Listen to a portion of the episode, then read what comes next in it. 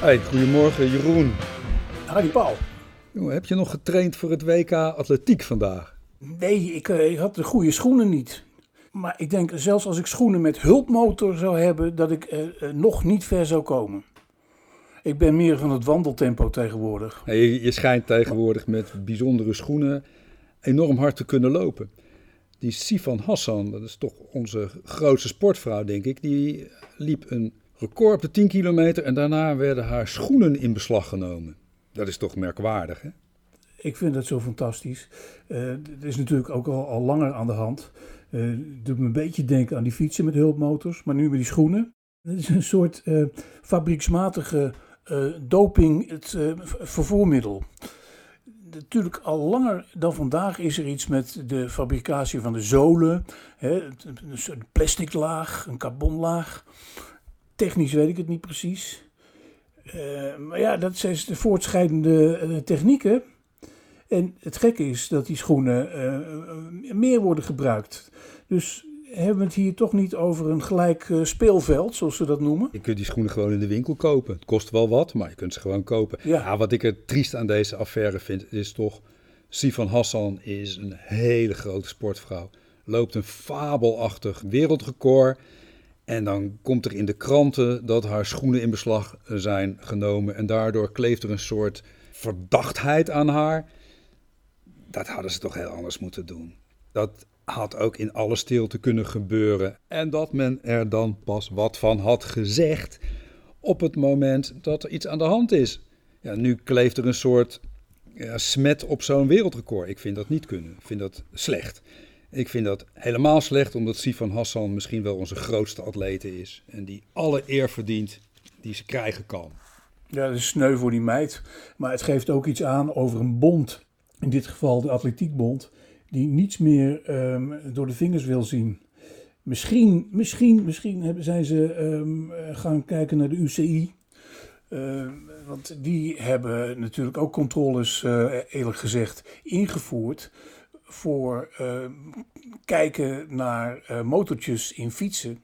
En ik herinner me nog eh, de toerstart in Utrecht. Daar zijn bij die, na die proloog daar in Utrecht toch renners betrapt die eh, wel degelijk een mechanische aandrijving hadden. Maar in dit geval vind ik het ook heel dubieus. Eh, je zegt het zelf al, dit soort schoenen zijn in de handel, dus waar zijn ze mee bezig? Ja, maar ook jij zegt in, in Utrecht zijn ze betrapt. Nou, hier is het alleen een verdachtmaking en dat past niet. hey, iets anders. Zij wordt dus geknipt en geschoren door sommigen. Maar ben jij nog naar de kapper geweest? Eh, nee, ik eh, ben ja, ouderwets een beetje een lang haar. Nee, dat is niet waar. Maar ik was daar vroeger wel veel, veel strenger op. Ik liet het, ik liet het behoorlijk eh, groeien. Ja, dat was gewoon dat was de mode. Dus een Beatle-kapsel uit de 60 jaren. Nee, nou, ja, toen mijn moeder daar nog invloed op had, hadden we meer Beatle, Beatle-kapseltjes. Maar eenmaal student werd het gewoon eh, het zo lang hebben als Jim Morrison. Ja, Hè, en, of eh, de Stones. En als Mick Jagger. Precies. Ja, eh, gewoon de grote rolmodellen. Nee, onze ouders waren daar vroeger niet zo blij mee. In Noord-Korea, daar is Kim Jong-un daar niet zo blij mee. En het is zelfs zo dat hij raar haar verboden heeft. De man heeft zelf raar haar. Heel raar haar. Heel raar haar. Ja, dat is waarschijnlijk toch eh, persoonsverheerlijking. Hè? Als men zijn haar kopieert, dan bewijst men hem wel wat eer. Net zoals wij de Stones en de Beatles eer bewezen. Maar het is, ja, het is eh, raar haar. Wat is raar haar? Ik weet niet precies wat die man bedoelt, maar eh, hij heeft ook eh, iets tegen spijkerbroeken. Te, te westers. En vooral die, die, die spijkerbroeken met voorgefabriceerde scheuren erin. Ik heb gelezen dat als je een afwijkend kapsel hebt, dus een kapsel wat niet is goedgekeurd door officiële instanties, dat je dan niet zelf alleen een straf krijgt, maar ook je vader en je moeder. En als je ouder bent, dan pakken ze je werkgever ook. Heel bizar. Maar het wordt gezegd dat het is om het weghouden van kapitalistische invloeden. Ja, Westerse ideeën. ja weer een, nieuw, een nieuwe frats van eh, de, de dictator. Eh, Daar denk ik altijd, hoe lang duurt dit nog? Eh, hoe, Ja. Hoe lang kan eh, dit soort onderdrukking plaatsvinden? Eh, die, die westerse invloeden komen hoe dan ook toch wel eh, binnen daar. En niet alleen op de televisie, eh, maar via de televisie in die hoofden. Hij wist Jeroen dat ze hier in de Achterhoek tegenwoordig ook problemen hebben met, uh, met westerse ideeën. Nou, vertel, wat dan? Nou, er mag eigenlijk weer een beetje worden gebouwd hier in de gemeente. En uh, ja, dat kon een tijdje niet, omdat het een krimpgemeente was. En waarom ben je een krimpgemeente? Omdat er weinig mensen willen wonen. Nu willen er opeens weer heel veel mensen wonen. Zelfs ondanks de teleurgang van de voorzieningen. Waarom dan? Ja, Waarom dan? De corona. Hè, de mensen voelden zich opgesloten in de stad. Maar er ligt hier nu ook een uh, goede verbinding, een snelle weg. Uh, prijzen zijn hier aantrekkelijker. Dus er willen nu ook wel mensen wonen van buiten. Maar wat zegt nou de gemeente, tenminste raadsleden, die zeggen: gemeente, dus wethouder, zorg ervoor dat kavels alleen zijn voor inwoners van de gemeente zelf. En er is zelfs een raadslid Jeroen en die eist dat bouwkavels niet beschikbaar komen voor westerlingen met westerse ideeën. Zo, en wat voor ideeën eh, bedoelt meneer het raadslid dan? Ja, dat is mij ook een vraag. Hè. Je zou er dus wel mogen wonen, maar niet als je westerse ideeën hebt. Ja, ik weet het niet wat het. misschien uh, misschien uh, komt er dan een commissie, een toetsingscommissie. En dan moet je uh, allerlei vragen beantwoorden of zo. Ik weet het niet hoor. Ik vind het maar heel raar. Heet die man ook Kim daar in het Verre Oosten in Nederland? Nee, nee, nee, dat niet. Nee. Wat zijn westerse ideeën dan? Is dat, gaat het over inclusiviteit en diversiteit en genderneutraliteit? Is het Westen te modern voor het Verre Oosten van Nederland? nee, het is, maar het is heel bizar. En het is natuurlijk helemaal bizar als op die vragen van raadsleden een wethouder antwoordt dat hij gaat kijken of hij dat kan regelen. Ja, dat kan je natuurlijk helemaal niet regelen. Wat moet je dan allemaal niet regelen? Stel je voor, je, koopt zo'n huis als, als inwoner van de gemeente. Mag je het dan nooit meer doorverkopen aan iemand uit het Westen? Dat is natuurlijk gewoon speculatie eh, als, als, als, als je dit soort regels gaat instellen. En uh, we zijn maar een heel klein landje. En om nou te zeggen, ja, ik vind het raar. Heel raar. Nou ja, ook gelet op, het, op, op de actualiteit. Dat Nederland met een enorme woningnood zit. En dan is er blijkbaar een bereidheid om naar de achterhoek te verhuizen. Krijg je te maken met dit soort dictatuur. Precies. Eh, ik, ik, ik spreek jou vanuit Zeeuws-Vlaanderen. Het staat ook bekend als uh, krimpgebied. Mm Zeeland als provincie wat minder.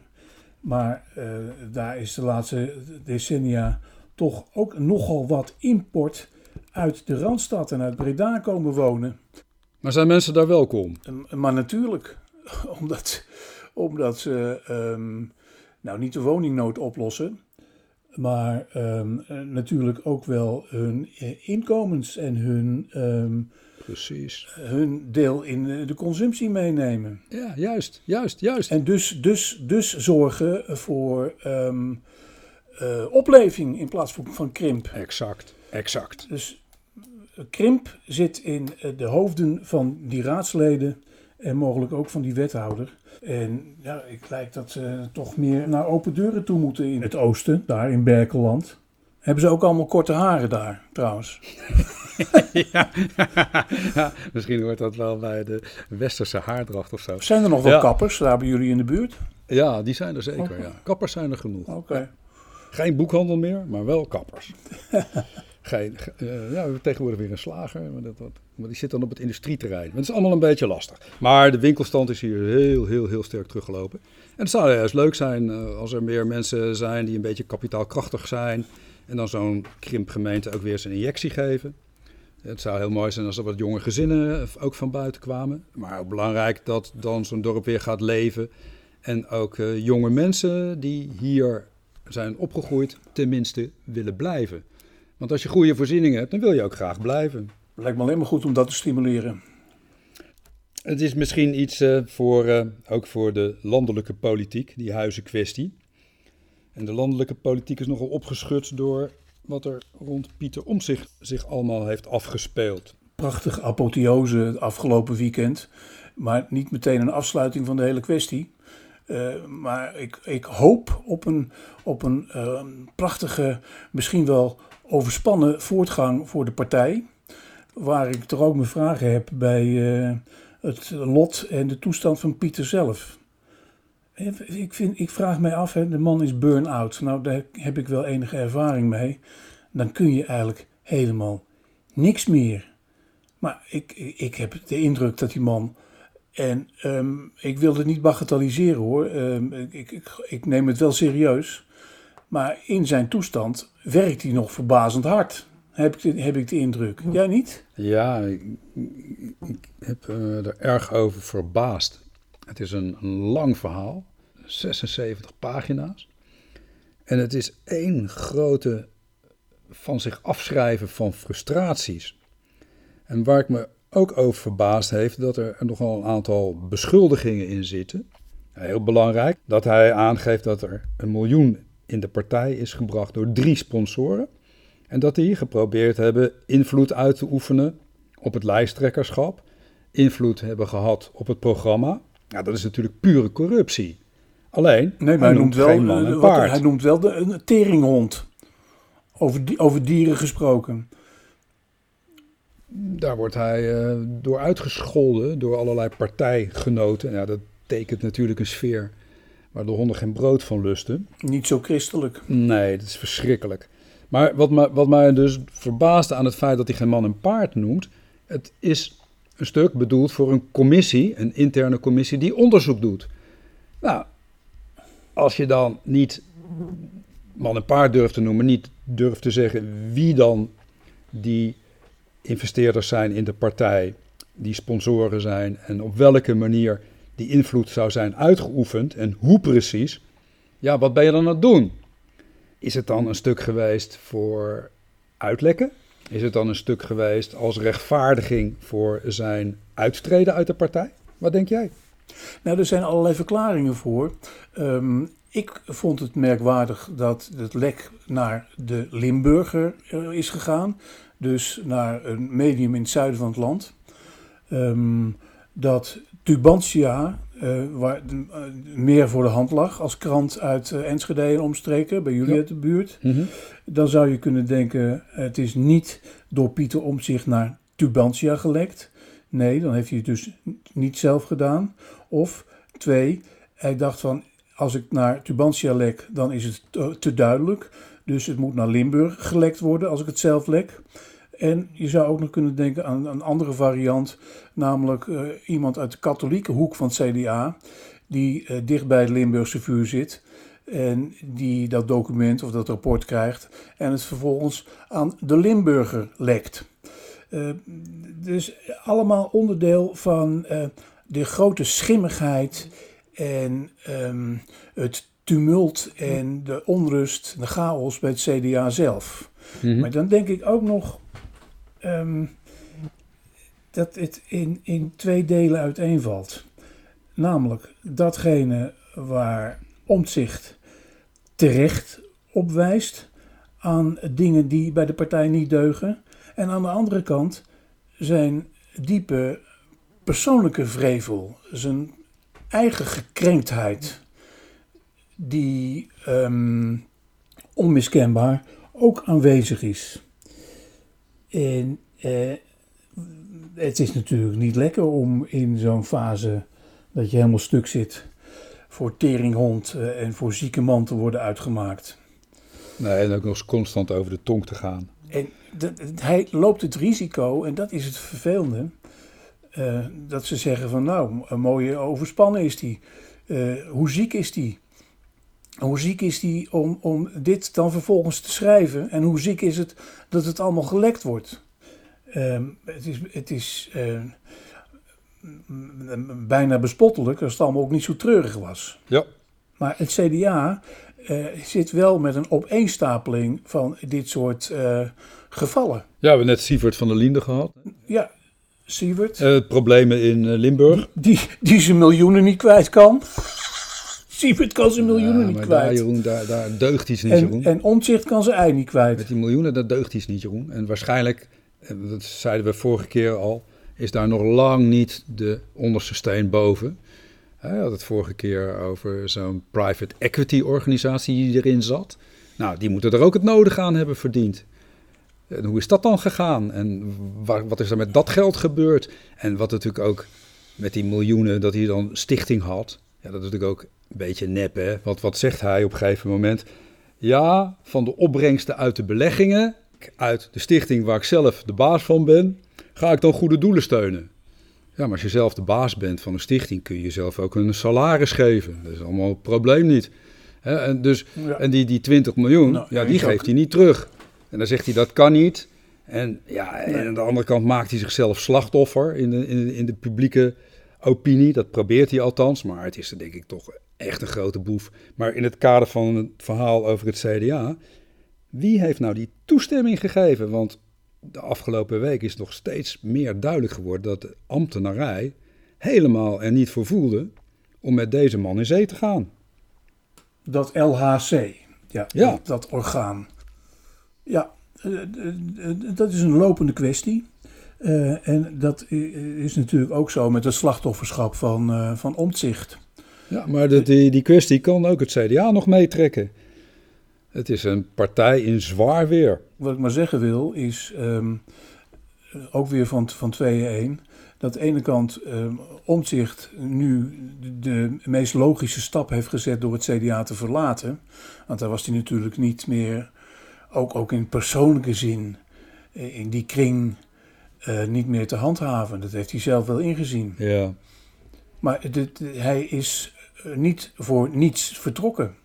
Daarmee is eh, het dubieuze klimaat in die partij niet verdwenen. En, en daarom, en dat is weer een ander verhaal, vind ik het heel vreemd dat, dat Rutte toch gewoon ook met die partij, die aan uitholling onderhevig is, eh, weer door wil gaan. Alsof er allemaal niets gebeurd is in zaken die toeslagenaffaire. Omtzigt, de man van macht en tegenmacht. De man eh, van functie elders op die foto onder de arm van mevrouw Ollongren.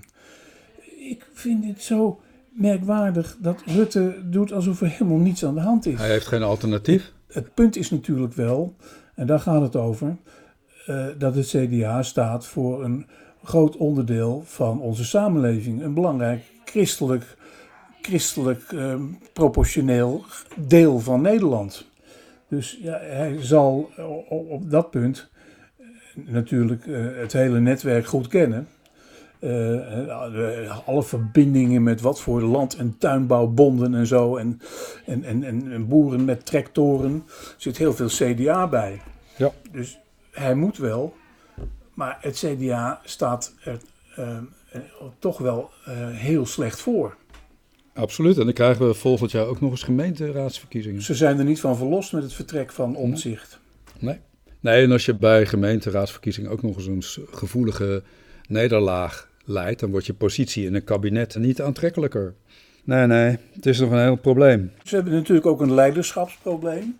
Omdat ehm, Hoekstra eh, nu zich in allerlei excuses en grote, grote verdriet wentelt over het vertrek van Omtzigt. Maar hij is eh, ook eh, onderdeel van het circuit waar Omtzigt zo overspannen van raakte. Hij betwist het lijsttrekkerschap. Hè? Hij zegt, het was mij toegezegd. Hij twijfelt aan de eerlijkheid van de lijsttrekkersverkiezingen, waarbij Hugo de Jonge won. Daarbij geeft hij ook nog eens aan dat het vertrek van Hugo de Jonge zou zijn ingegeven door sponsoren van buiten. En dat er een afspraak geschonden is dat op het moment dat Hugo de Jonge zou verdwijnen, hij de lijsttrekker zou worden.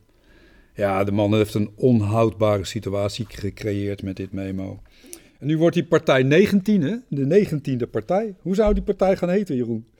Groep Omtzigt. Groep Omzicht, GO, Go. Ehm, Tegenmacht. Tegenmacht. Ik, ik, ik, ik ga voor tegenmacht.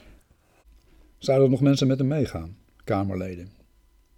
Ja, ik, ik eh, hoorde eh, de optie dat eh, Mona Keizer eh, nu ook wel achter hem aanloopt. Hoe dan ook, het- de gelederen sluiten zich niet bij het vertrek van Omtzigt. Nu Omtzigt vertrekt, kan Hoekstra natuurlijk wel wat makkelijker opereren en zijn leiderschap meer doen gelden. Hij hoeft niet meer rekening te houden met een persoon die thuis is en als een, soort zwaard van Damocles toch boven die partij en de afspraken die die partij maakt hangt. Dus hij kan zijn leiderschap waarschijnlijk meer tot recht brengen. Nou, dan zal menigeen zich toch ook dat uh, bizarre toneelstukje zich herinneren. In Nieuwsuur, dat Omtzigt bij Hoekstra voor de deur staat om, te, om te beamen zogenaamd dat Hoekstra de nieuwe partijleider is. Nu blijkt uh, wel toch even iets anders te liggen. Ja. Uh, wil niet zeggen dat er uh, een voortgaande leiderschapscrisis bij het CDA is, omdat Omtzigt, die het juist zo graag wilde worden, gefrustreerd raakte door het naar voren schuiven van Hoekstra en nu vertrekt. Mm -hmm. Dus ja, Hoekstra staat enigszins sterker. Precies. Maar is hoe dan ook ook beschadigd. Nou ja, het beeld, het algemene beeld van de politiek. Paul. Ja, dat is het, dat is het kwalijkste, Jeroen. Dat is het kwalijkste. Het is weer een tik voor de democratie. Het is weer individuen in het middelpunt van de belangstelling en ideeën op de achtergrond. En dat zouden we toch eens moeten gaan omdraaien, want dat is niet, niet goed voor ons democratisch functioneren. Dat is ook zo. Het voedt populisme, het maakt ja. regeren onmogelijk, ja. het zorgt voor precies dat waar om zich zich zorgen over maakt. De, de teleurgang van, het, van de sterke democratische instituties. Het is een probleem hoor, het is een groot probleem. Zorgelijk. Ik, ik vind het, het woord sterke in jouw betoog uh, heel erg uh, intrigerend en belangrijk ook. Um, het is over politiek gesproken en het beeld ervan, per slot van rekening, toch ook mensenwerk. Ja. En het blijkt dus nu, en dat is een paar weken geleden, toen het uh, de ene na de andere uh, politicus uh, bekende, ook wel eens met burn-out te, te, te kampen, blijkbaar niet zo'n fijn bedrijf, die politiek. Dat wisten we al wat langer. Maar het, het put mensen uit. Um, nee, dat is ook nog een kant ervan. Hè? Ze ja. te hard moeten werken. Ja. Of het beschadigt mensen zodanig dat ze, zodanig, dat ze in het nauw raken, zoals Pieter Omtzigt. En uh, een partij verlaten. Uh, de politiek, waar de politiek een voorbeeld zou moeten zijn. Met sterke krachtige mensen, met sterke leiders, mm -hmm. um, is het nu een um, groot toneel van gekwetste types. Ja. En ik weet, ik, weet niet of dat, ik weet niet of dat de ideale bestuurders van een land zijn. Ja, aan de andere kant moeten die sterke leiders ook de ruimte geven aan de mensen om zich heen. Vroeger kende je toch van een politieke partij wel zes of zeven mensen. Mensen die allemaal op de voorgrond traden. Nu concentreert zich ook wel heel veel om één man. Kijk eens naar Rutte. De Rutte is VVD geworden. En dat is ook niet goed hoor. Dat leidt natuurlijk ook tot dit soort frustraties. Achter hem een gapende leegte. Ja, maar dat leidt ook tot, tot frustraties zoals bij Omzicht. Nou ja, laten we hopen dat Omzicht nog heel veel voor ons kan betekenen in de toekomst. En dat hij na de vier maanden uh, afwezigheid als herboren terugkomt en laat zien waar hij voor staat. En laat zien dat hij ons een dienst kan bewijzen als gedreven parlementariër met zijn eigen partij. Waar hij in ieder geval lijsttrekker van wordt. Dat is dan in ieder geval weer een plezierige bijkomstigheid voor hem. Hij komt uit het oosten. Wie ook uit het oosten kwam was A.L. Snijders. Die is overleden, Jeroen. Wat weet je van A.L. Snijders? Je bent nogal bekend met veel literatoren in dit land. Ja, ik, ik vind dat, uh, vond het een prachtige man. Hij was een volstrekt unieke figuur in het hele stelsel van uh, Nederlandse columnisten. Um, leraar Nederlands, man van de kleine observatie. Hij had een grote weerzin tegen enorme ambities. Hij was een man van de kleine vierkante meter. Die um, ook in het geheel niet uh, concurreerde met mensen als Martin Bril of Bert Wagendorp. Hij was ook geen, hij was ook geen eus. Een man uh, met uh, pregnante meningen en kanttekeningen bij de geest der tijden. Nee, A.L. Snijders zo heeft hij zichzelf genoemd toen hij columnist moet worden, keek om zich heen en was van de kleine observaties en maakte daar kleine verhalen van.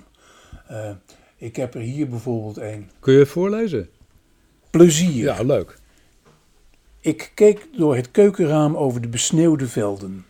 In de verte zag ik een haas zitten. Ik had menselijke gedachten over de harde grond en het bevroren gras. Toen begon de haas plotseling te rennen.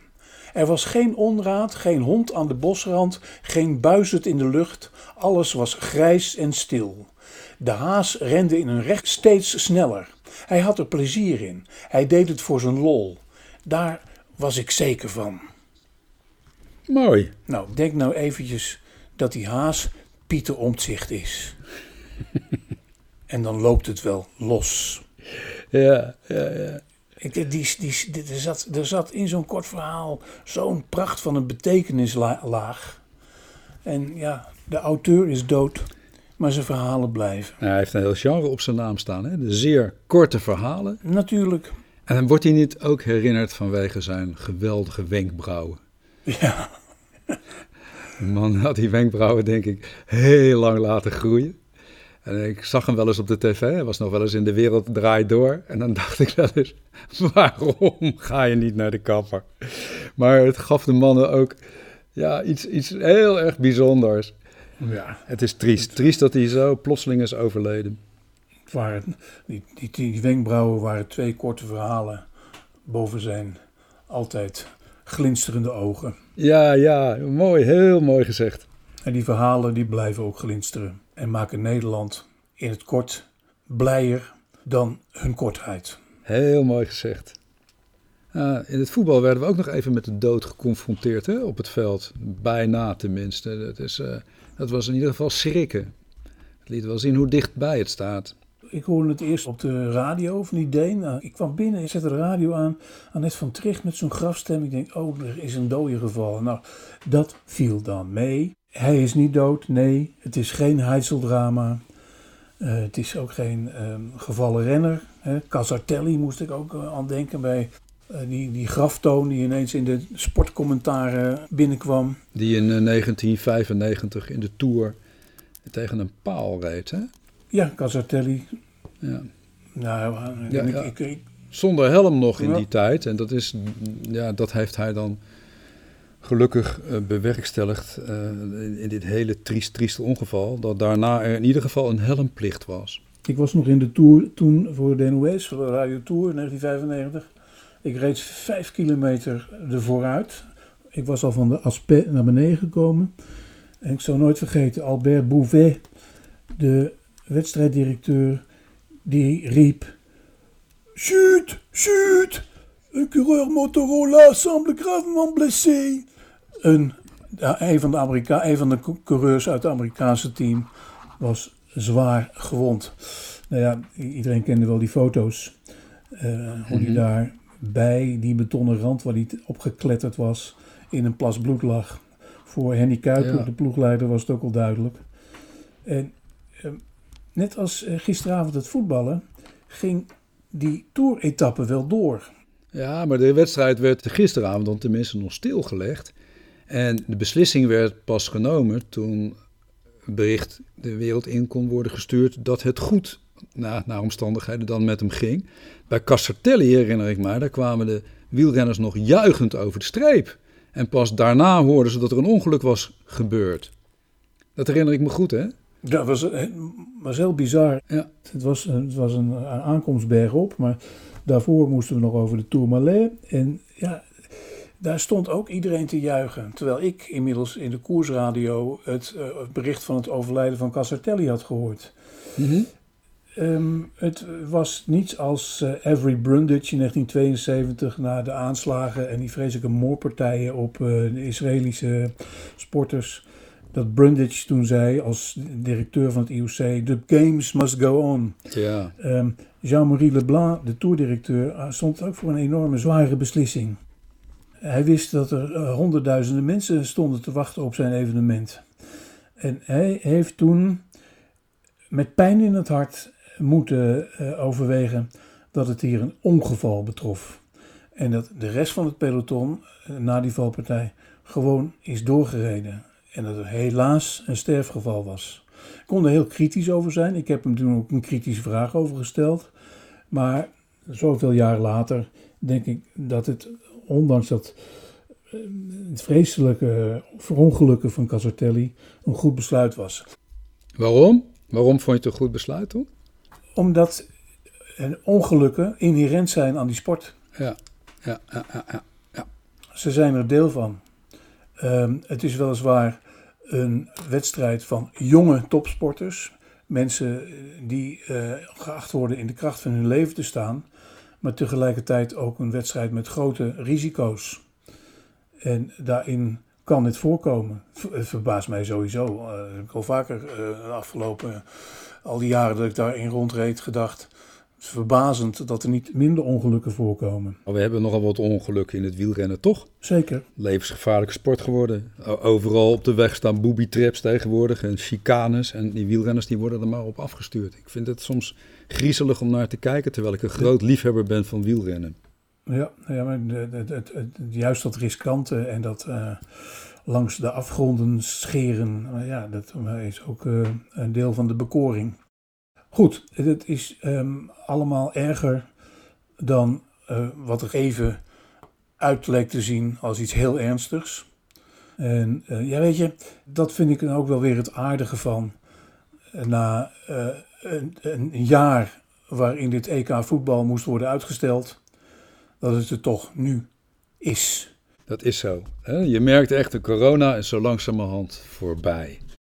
Je merkt ook dat mensen gooien hier de mondkapjes af. Eh, je praat weer wat makkelijker met elkaar. Je kunt weer elkaar bezoeken. Eh, ja, het is toch wel heel bevrijdend hoor, moet ik zeggen. Veel meer dan ik had gedacht. Dat is toch een positieve gedachte ter afsluiting? Ja, He? absoluut Jeroen, absoluut. Mooi. Hey, tot de volgende keer Oké okay, joh. Hoi.